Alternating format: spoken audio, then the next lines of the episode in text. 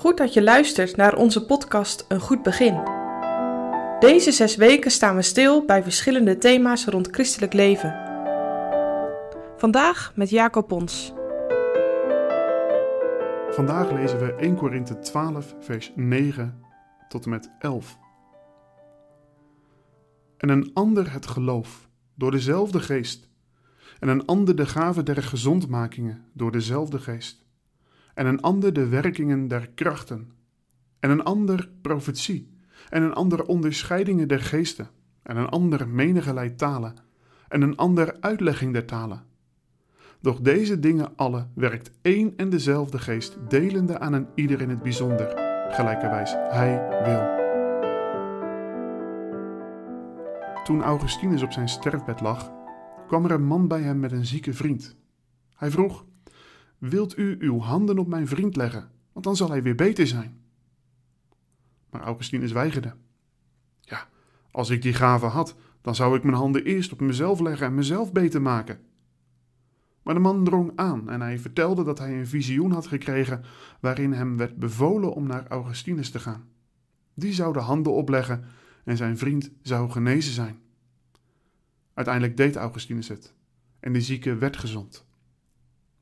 In zijn boek De Stad Gods beschrijft Augustinus verschillende van zulke genezingen. In het Bijbelgedeelte wat we gelezen hebben, schrijft Paulus over de gave van de gezondmaking. Nu moet ik zeggen dat ik nooit zo goed weet wat ik daarmee aan moet. Natuurlijk, in de Bijbel wordt regelmatig over wonderen gesproken. Maar gebeurt dat eigenlijk nog wel in deze tijd? Ja, natuurlijk, zul je zeggen. Misschien kun je er voorbeelden bij opnoemen zelfs. Bij de voorbereiding las ik over een arts. Hij had een inleiding gehouden voor studenten.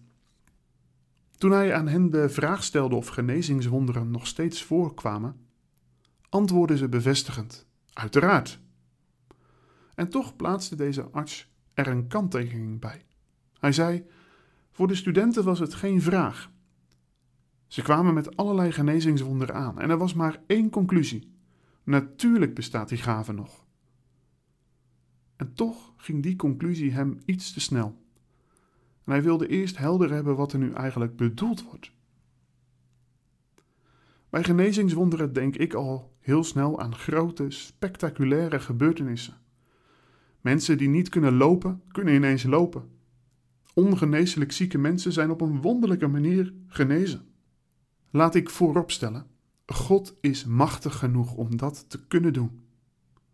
Maar wat belangrijk is om te onthouden, is dat genezing geen spotlight op jezelf richt, maar alles gericht is op de Heer. Dat is wat de Heilige Geest altijd doet.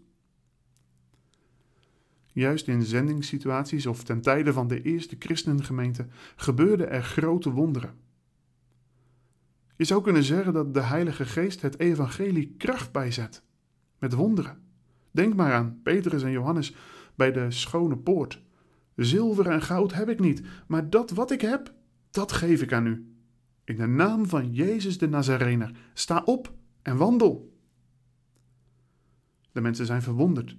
En als Petrus daarna een toespraak houdt, lees je: velen die het woord gehoord hadden, geloofden. Maar komt deze gave dan vandaag de dag nog steeds voor? Niet zo spectaculair als we misschien zouden vermoeden, maar in het klein, in het gewone. De Heilige Geest werkt juist in het gewone. En ik geef maar door wat ik gelezen heb. Denk maar aan mensen die verstand hebben van medicijnen, van verzorgen, van behandelen. Dokters, verpleegkundigen, apothekers, verloskundigen, andere zorgmedewerkers. Mensen die door ervaring weten hoe ze iemand het beste kunnen verzorgen. Denk maar aan kerkelijke vrijwilligers in de terminale zorgverlening of aan mensen die zich inzetten voor gehandicapten. Wanneer al deze mensen hun kennis en kunde gebruiken ten dienste van Gods gemeente, want daar gaat het om bij de gave van de Heilige Geest, geven ze vorm aan de gave van de gezondmaking.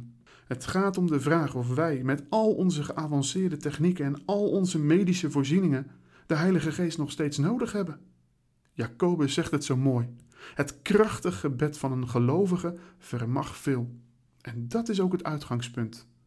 Op het gebed en gericht op de eer van Gods grote en heilige naam, dan kan, dan wil en dan zal de Heer nog steeds wonderen doen. Waar ben jij op gericht als je ziek bent? Gaat het jou om genezing en je leventje weer voor te kunnen zetten? Of gaat het om de lof voor God? Als dat je intentie is, als je vanuit die houding leeft, dan zal straks voor jou gelden. En geen inwoner zal zeggen: Ik ben ziek. Maar dan zal er genezing zijn onder zijn vleugels. En die is er voor een ieder die zijn naam vreest.